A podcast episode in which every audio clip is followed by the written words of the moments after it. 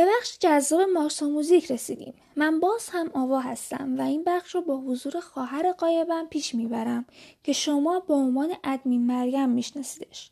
مارکس و موزیک برنامه ما سه بخش داره. بخش اول معرفی موزیک هایی که به طور مستقیم به مارکسون ارتباط دارند همراه با توضیح مختصری که در موردشون نیاز دارید بدونید. بخش دوم آهنگ هایی که مارک و جکسون هر کدوم سازندش بودند و با توجه به lyric و moment های مربوطه این آهنگ ها ارتباط نزدیکی به مارکسون دارند. و بخش سوم playlist ی که ادمین مریم براتون آماده کرده تا هر وقت گوش میدین باهاش قلبتون رو به سمت احساسات مارکسونیتون سوق بدین. بریم که داشته باشیم مارکسون music.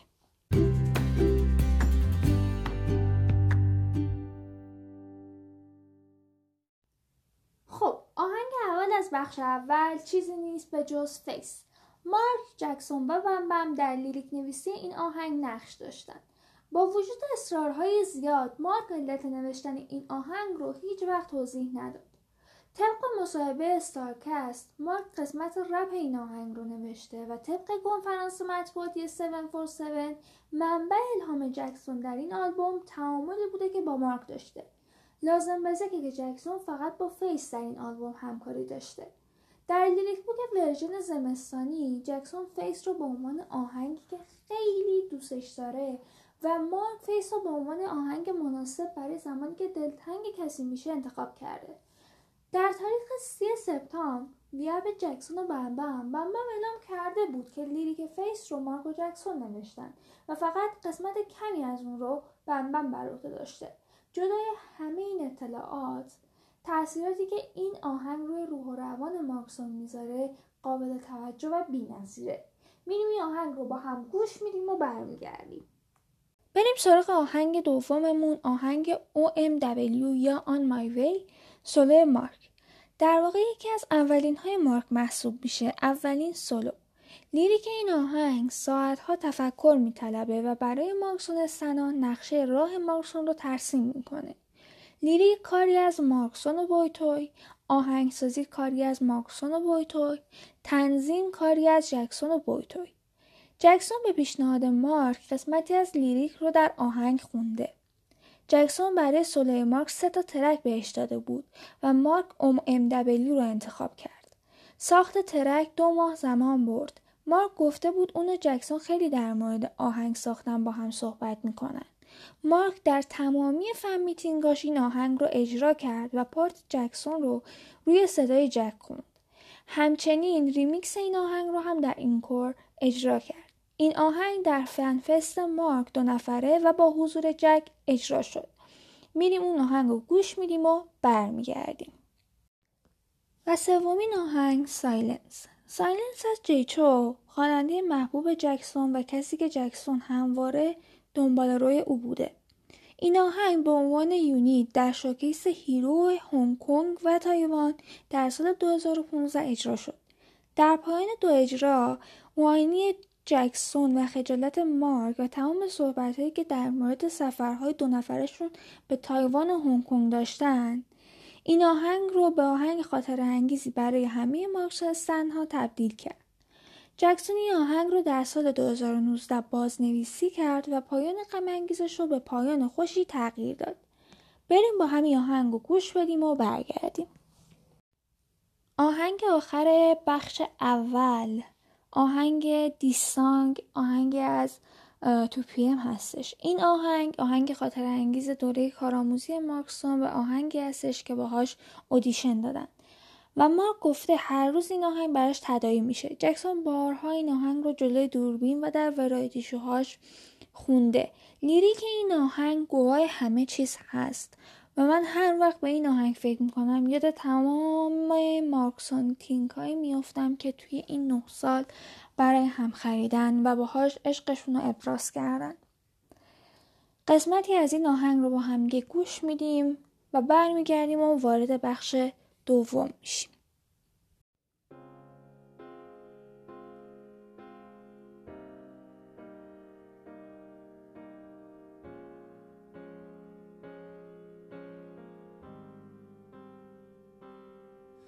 예쁜 목걸이 사주고 싶지만 멋진 차를 태워주고 싶지만 예쁜 옷을 입혀주고 싶지만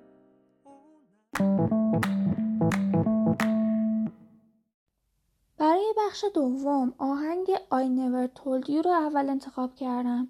این آهنگ سولو چین مارکه به نظرم آهنگی هستش که خیلی چیزا رو راجع به مارک بیان می‌کنه. اینکه این رابطه چقدر شیرین و در عین حال حساسه. اینکه مارک چطوری قدرتمند شده. کلا وقتی به لیریک این آهنگ توجه می‌کنیم محال ممکنه که به مارکسون فکر نکنیم. انگار که این آهنگ ساخته شده برای رابطه مارکسون آهنگ بعدی آهنگ لاکی رینه جکسون معتقد این بهترین و زیباترین همکاریشه. بخش رپ این آهنگ رو خودش نوشته. این آهنگ واقعا بیان دیگری از سه جولایه من بخشی از این آهنگ رو که جکسون نوشته رو براتون می‌خونم و می‌ذارم خودتون قضاوت کنیم همه چیز رو بردار. اجازه بده بارون رو برات بند بیارم. شاهد هر لحظت باشم. بذار به خاطر توی تمام دردها فرو برم. بذار کسی باشم که لبخند رو به لبات میاره و به ترسات غلبه می‌کنه. بذار اونجا باشم. به خاطرت همه اشکها رو پاک می‌کنم. مهم نیست الان کجایی. همه چی از جایی که همدیگر رو ملاقات کردیم شروع شد. کنارت میمونم و نگهت میدارم. بیا با همدیگه پیش بریم. تا آخرش همه قلهامون رو نگه میداریم. من می‌خوام همه چیز رو برای تو ممکن کنم. برات شبیه اشعار رب می نویسم تو یک فرشته از بهشتی حداقل از دید من. بذار ثابت کنم که عشق همیشگیه. اگر کسی قرارداد عمرمو به هم بده من معامله رو امضا می‌کنم. بذار بارون روی صورتم بریزه. بذار رعد و برق بزنه. اجازه بده شوالیه تاریکی باشم. همه دعوا رو به عهده می‌گیرم. بذار من همه رنج ها رو ببرم. من همه اتفاقات بدی که افتاده رو می‌دونم. چون اونا صداش می‌زنن بارون خوششانسی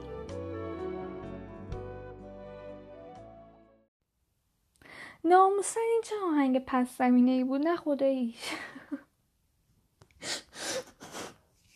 خیلی خب بریم آهنگ رو گوش بدیم و برگردیم.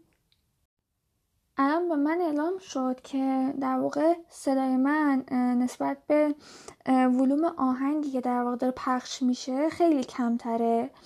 بنابراین ازتون درخواست می‌کنم. وقتی که به قسمت پخش آهنگ رسیدیم خودتون ولوم دستگاهتون رو بیاریم پایین که گوشاتون اذیت نشه. ممنون. در ادامه به ترتیب آهنگهای شاپینگ مال، مای هوم، آندراکس از آلبوم میرور، دان آف آس، سید لایت رو داریم که پشت هم پلی میشن. بخشی از ماکسو میوزیک هم خدمتتون در شمارش مرکوز چنل ارائه شد. بریم این آهنگ ها رو گوش بدیم و برگردیم با بخش آخر ماکسون میوزیک.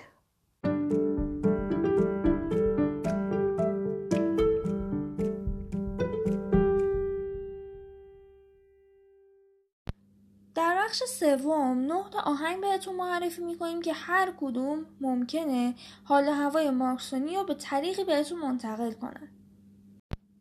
آهنگ اول پلیلیست آهنگ تروبل مین از توین بی هستش. آهنگ Six Feet Apart از الک بنجامین. آهنگ Young and in Love از اینگرید مکسون. آهنگ in China از کودی سیمپسون آهنگ Friend از اد شیران. آهنگ Umbrella از امبر آیلند آهنگ Uncover از زارا لارسون آهنگ Secret Love Song از لیتل میکس بله این هم نهمین آهنگی بود که در نهمین سالگرد مارکسون پخش شد. سعی کردیم بهترین باشیم گرچه مطمئنم کاستی های وجود داشت. آهنگای بیشتری بودن که بخوان تو این بخش پخش بشن. اما به دلیل زیغ وقت و فشرده بودن برنامه تصمیم بر این شد که این بخش رو کوتاهتر اجرا کنیم. باز هم سه جولای رو که تولد همه ما مارکسونستن و محسوب میشه رو به همه مارکسونستن های تمام دنیا تبریک عرض می‌کنم.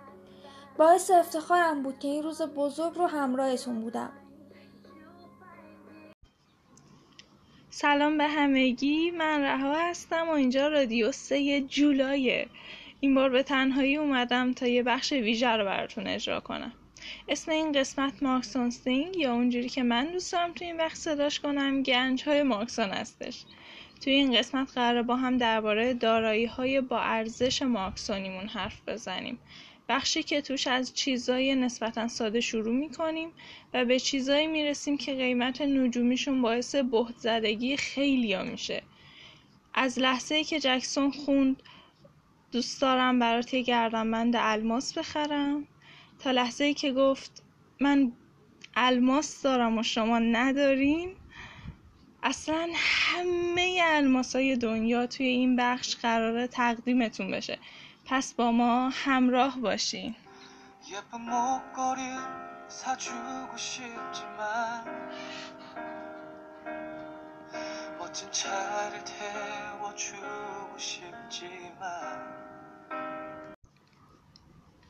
خب اگه بخوام از اول شروع کنم باید از وسیله هایی که یا کاپلی بودن یا مارکا جک مشترکن ازش استفاده می‌کردن اسم ببرم.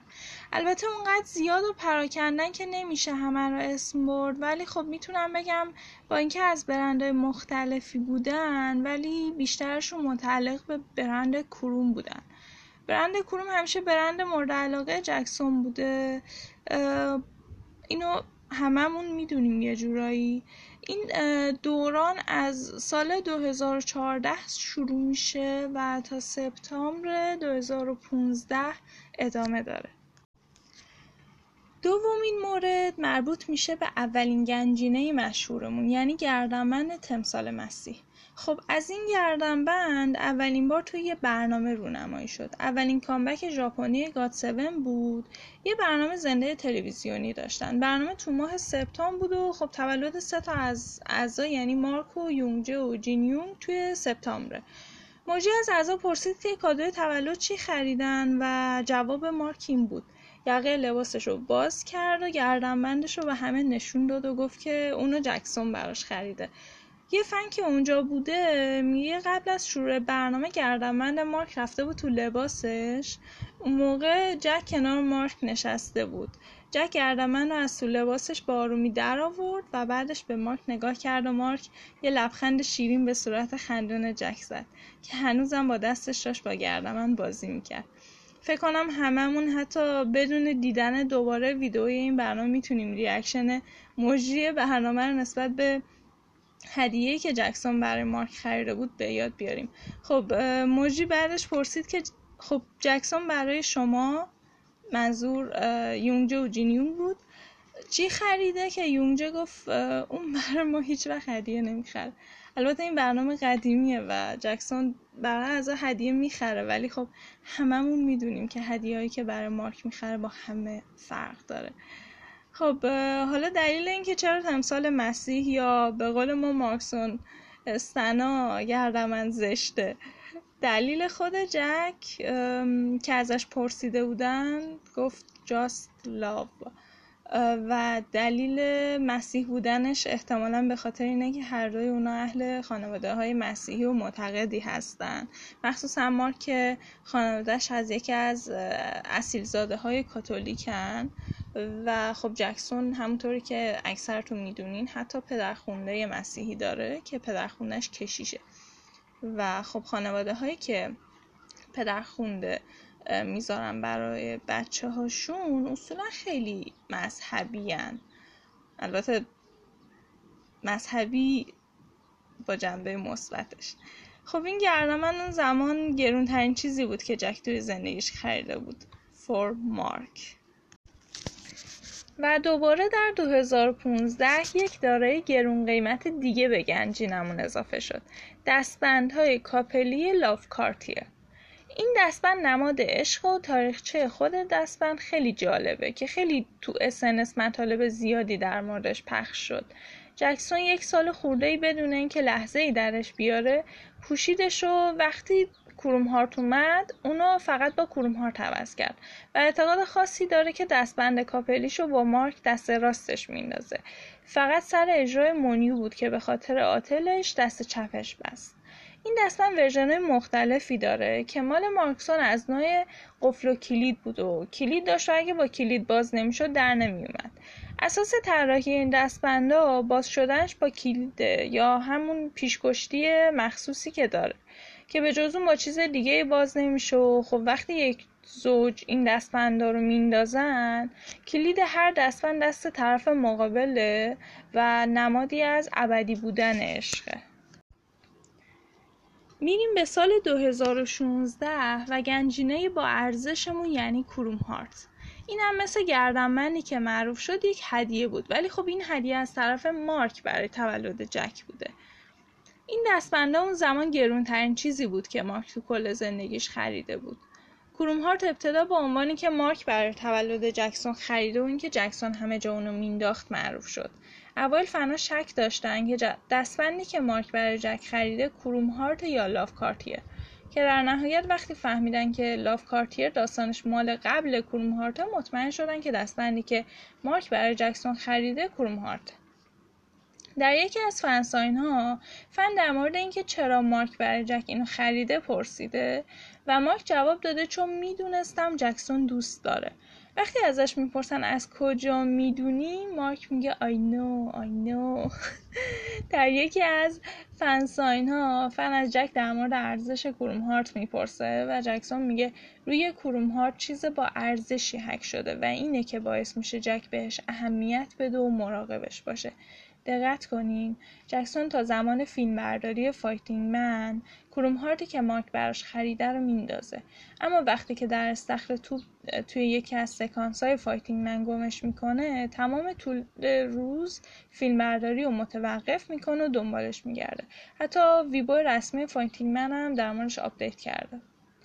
توی این برنامه دستبند توی یه استخر توپ خیلی بزرگ از دست جک میفته و وقتی جک متوجه میشه ضبط متوقف می‌کنه و شروع می‌کنه به گشتن بین توپا حدود سه ساعت مداوم جک و بعدش هم عوامل میگردن و وقتی پیداش نمی‌کنن جک ازشون می‌خواد که دوربینا رو چک کنن و اونا ثانیه به ثانیه ویدیو رو چک می‌کنن تا می‌فهمن دستبند کجا از دست جک افتاده و پیداش می‌کنن.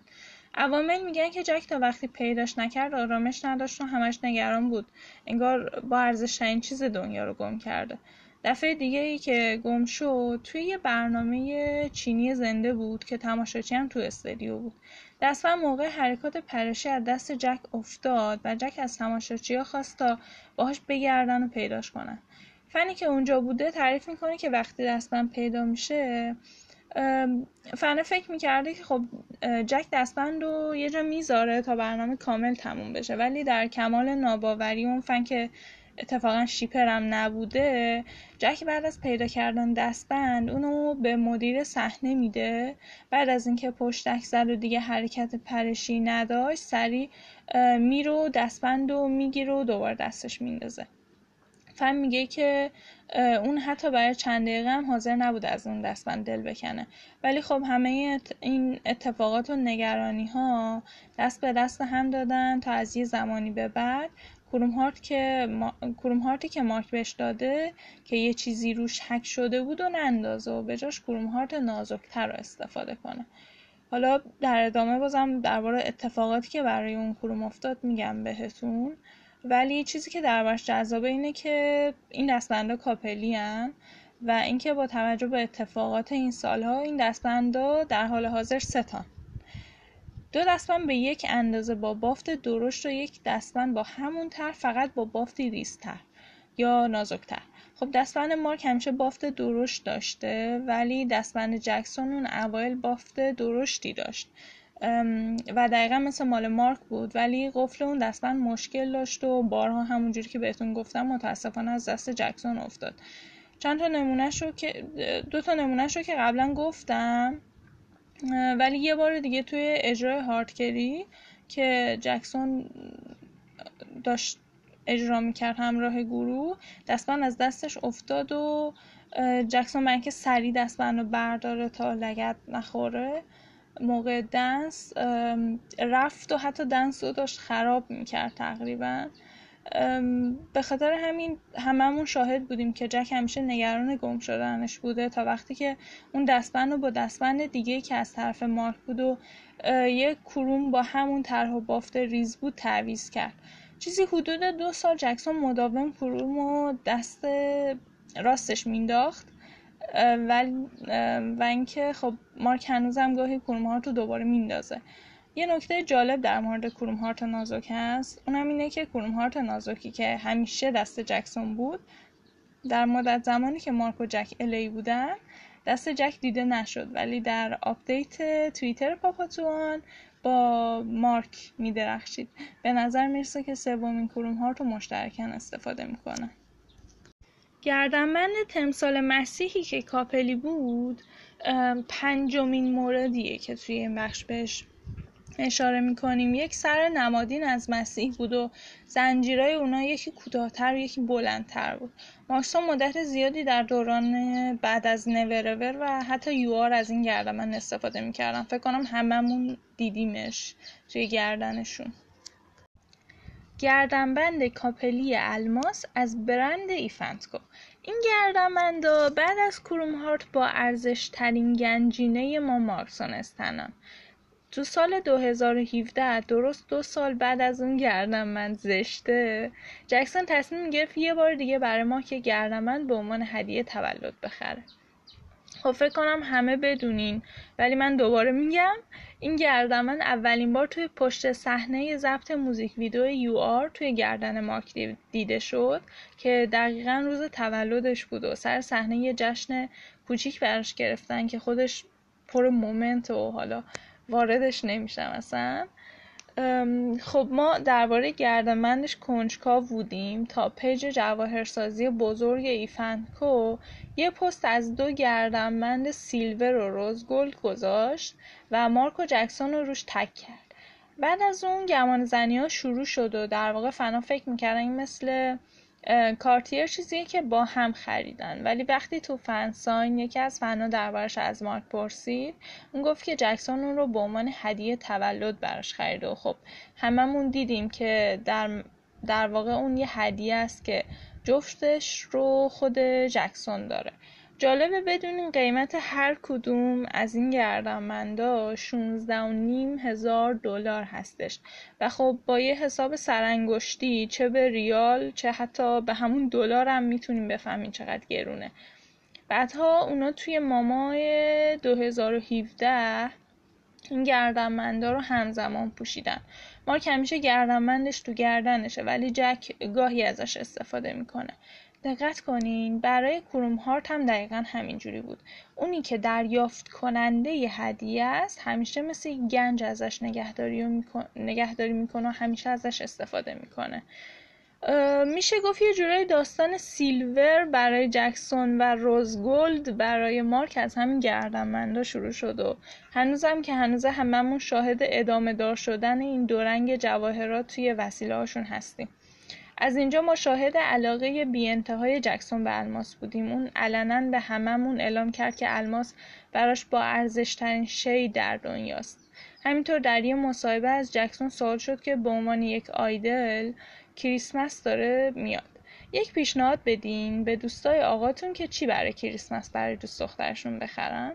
و جک گفت که الماس. من الماس دوست دارم. اون بارها توی مصاحبه در حالی که لبخندهای خجالت زده می‌زد از الماس و علاقش به اون تعریف می‌کرد.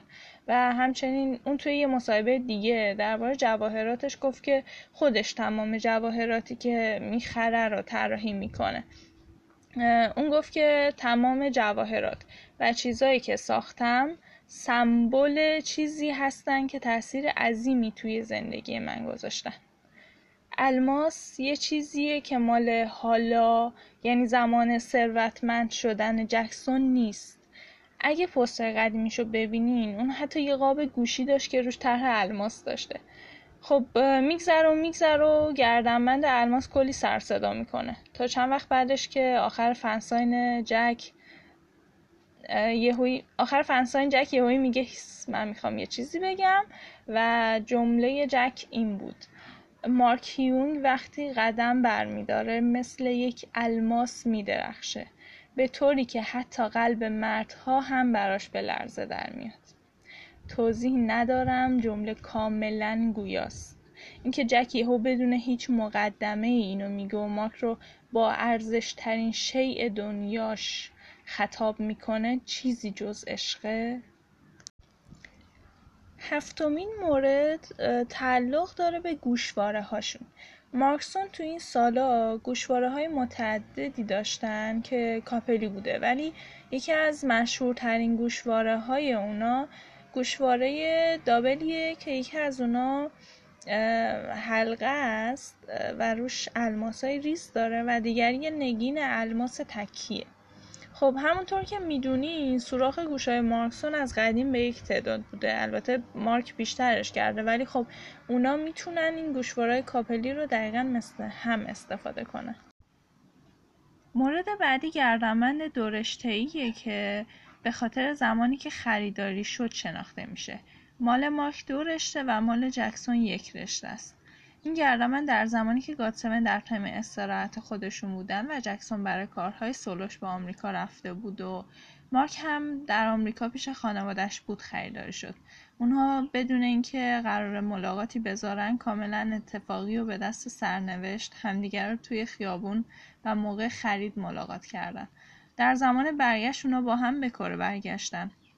ماما توان مارکو به فرودگاه آورده بود و اونا منتظر جکسون موندن و ماما وقتی جکسون رو دید با شادی ازش استقبال کرد. اون روز هر رای اونها این ها رو انداخته بودن. بعد از اون این گردمندا گاه و بیگاه تو گردنشون دیده میشه.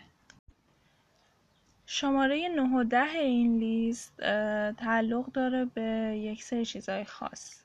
این دو شماره متعلق به سه چیزه. دارایی هایی که هنوز صد درصد تایید نشدن ولی خب تقریبا کسی در درست بودنشون شکی نداره. مورد اول گردنبند صلیب طلایی مارکه که از بعد از روز ولنتاین اونو گردنش دیدیم و جزو collection ولنتاین برند IF & Co بود و کمی بعد از خریداری شدن گردنبند الماس یعنی از time تولد مارک تا ولنتاین خریداری شد. البته البته هیچ وقت از طرف مارک و جکسون تایید نشد ولی خب مورد دوم متعلق به گردنبند 123 یا 123 جکسون هستش.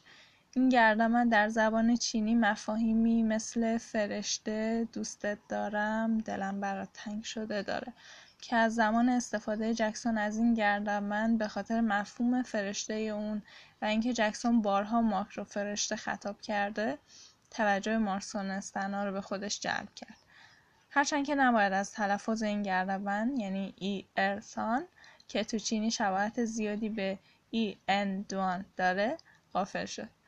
جکسون با اینکه ازش سوال شده دلیل, این پشت دلیل پشت این گردمن چیه ولی همیشه گفته نمی‌تونه معنیشو بگه ولی بی نهایت براش با ارزشه.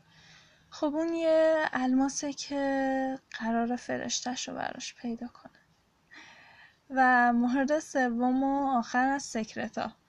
دستبند جذاب جکسونه که این یکی دو سال همیشه توی دستش بوده و هیچ وقت اونو در نمیاره. جالبه بدونین این دستبند از برند کروم هستش. ولی ولی این طرح دستبند به هیچ وجه در بین طرحهای کروم وجود نداره و این یعنی این طرح سفارشی و طراحی شده است. چون شرکت کروم بخش مخصوصی برای طراحی شخصی جواهرات داره. حالا از طرف این دستبند تنها جواهریه که جکسون مثل کروم هارت از خودش جداش نمی‌کنه. مثل همون رو توی دست راستش میندازه و همیشه همراهشه. اگر این چیزی بود که خودش طراحی کرده بود مثل جواهرات دیگهش و مثل اونا در یک جایگاه بود اون رو گاه و بیگاه استفاده می‌کرد و اگر هدیه ای مثلا از طرف مادرش بود خب مثل اون ساعتی که مادرش براش خریده بود اینو به سادگی اعلام می‌کرد. ولی این دستبند هیچ وقت رازهاش بر کسی افشا نشده. ولی ما ماکسونستنا باهوشتر از این حرفاییم. کسی که خیلی خوب می‌دونه جکسون علاقه زیادی به برند کروم و الماس داره. کسی که در گذشته هم کروم با ارزشی رو با یک نوشته داخلش به جکسون هدیه کرد. کسی غیر از مارک توانه؟ دارایی بعدیمون انگشترهای الماس بزرگ متوسط و کوچک نام داره. مدیونیم فکر کنین اسم نداره. این انگشترها اولین شروع ارتباط مارکسون و برند MCI بود. مارک برای خرید به این برند رفت و این انگشترهایی رو خرید که ما بعدش تو دست هر دوتاشون دیدیم. خیلی معروفن و جکسون بعدش چند تا تو همون مدل خرید ولی کلا دو تا king size و دو تا queen size ازش هست که هر دوشون بارها ازش استفاده کردن. تو music video ی Papillon و Okay می‌تونین به خوبی اینا رو توی دستای جکسون مشاهده کنین. اگر مارک رو توی همون دوران ببینین همیشه همیشه این انگشترا توی دستش هستن. مثلا سلفی مارکسون جلوی آینه اونی که مارک نشست و جک پشتش ایستاده. مثال خوبی برای یادآوری اینه که این انگشتر رو دقیقا کدوم او یس! این هدیه این چند وقت خیلی سر و صدا کرد. اول که دقیقا روز تولد مارک برند MCI ویدیوش رو پست کرد و جکسون رو تک کرد و هشتک گیفت زد براش. و بعد از مدتی حذف شد. تگ و, تگ و هشتکش البته. و بماند که یک عده چقدر تلاش کردن تا بگن نه اصلا امکان نداره جکسون همچین ساعت گرون قیمتی رو اونم ساعتی که سه ساعت خودش بود رو برای مارک بخره. و مارک هم یه مدت هممون رو با secret secret بهتون نمیگم جکسون برام چی خریده. اسکل کرد و روزگار هممون رو سیاه کرد خلاصه و حتی تهدیدمون کرد که اگه جرأت داریم برین از جکسون بپرسیم و خب مارک و پرروتر از این حرفان و رفتن از جکسون پرسیدن و جکسون هم گفت هدیه که برای مارک خریدم یه ساعته. یه ساعت شیک و گرون. خلاصه که پولداری و الماساش رو پاشید تو چش و چال ما و بدخواهاش.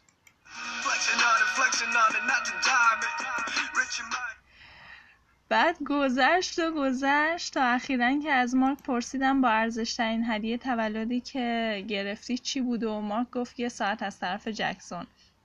و بعد یه خنده شیطانی تحویل ما و دوربین داد. مارک دیویل. این ساعت که البته با ساعت جکسون کاپلی و مال جکسون همچنان سیلور و مال مارک. همچنان روزگلده توسط جکسون طراحی شده و تمامش از الماس پوشیده شده. قیمتش به خاطر سفارشی بودن مشخص نیست ولی فنا حدس می‌زنن بین دیویست هزار دلار تا حتی نیم میلیون دلار باشه.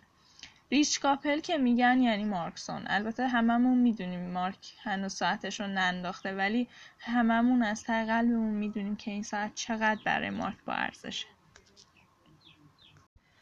و در آخر انگشترهای الماسمون که هر کدومشون دوتایی و برای جکسون مثل همیشه سیلور و برای مارک روزگلده اونها کاپلی هستن و از برند MCI خریده شدن.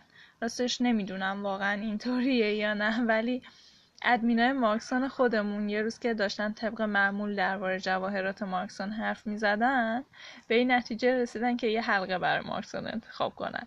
و خب بین محصولات IF & Co و MCI دقیقا همین حلقه های ساده و شیک الماس انتخاب شدن. و ما اونها رو پست کردیم و با tag کردن جکسون گفتیم نمی‌خوای اینو برای کسی که دوستش داری بخری؟ و در کمال ناباوری ما جکسون واقعا اون رو برای مارک خرید. اون حلقه ها توی دست مارک و جکسون دیده شد و فنها اون رو با تگ برند MCI پست کردن و این برند با لایک کردن اون پست مهر تاییدی بر شک ما برای کاپلی بودن حلقه ها و خرید اونها از این برند محبوب الماس بود. خب این بخشم تموم شد. ممنونم که به پر حرفی من گوش کردین و با این بخش همراه بودین. اینا فقط بخشی از گنجینه عظیم مارکسونن که ماها ازشون اطلاع داریم و خب چیزای دیگه هست که ما هنوز دربارهشون بیخبریم یا ممکنه اطلاعات کاملی نداشته باشیم. مارکسون عشقشون به وسعت یه دریاست و وسیله های کاپلیشون هم یه جزیره خوشگل و لاکچری روی اون اقیانوس بی انتهاست رها با شما بود با مارک سونتینگ. تا بخش بعدی بای بای.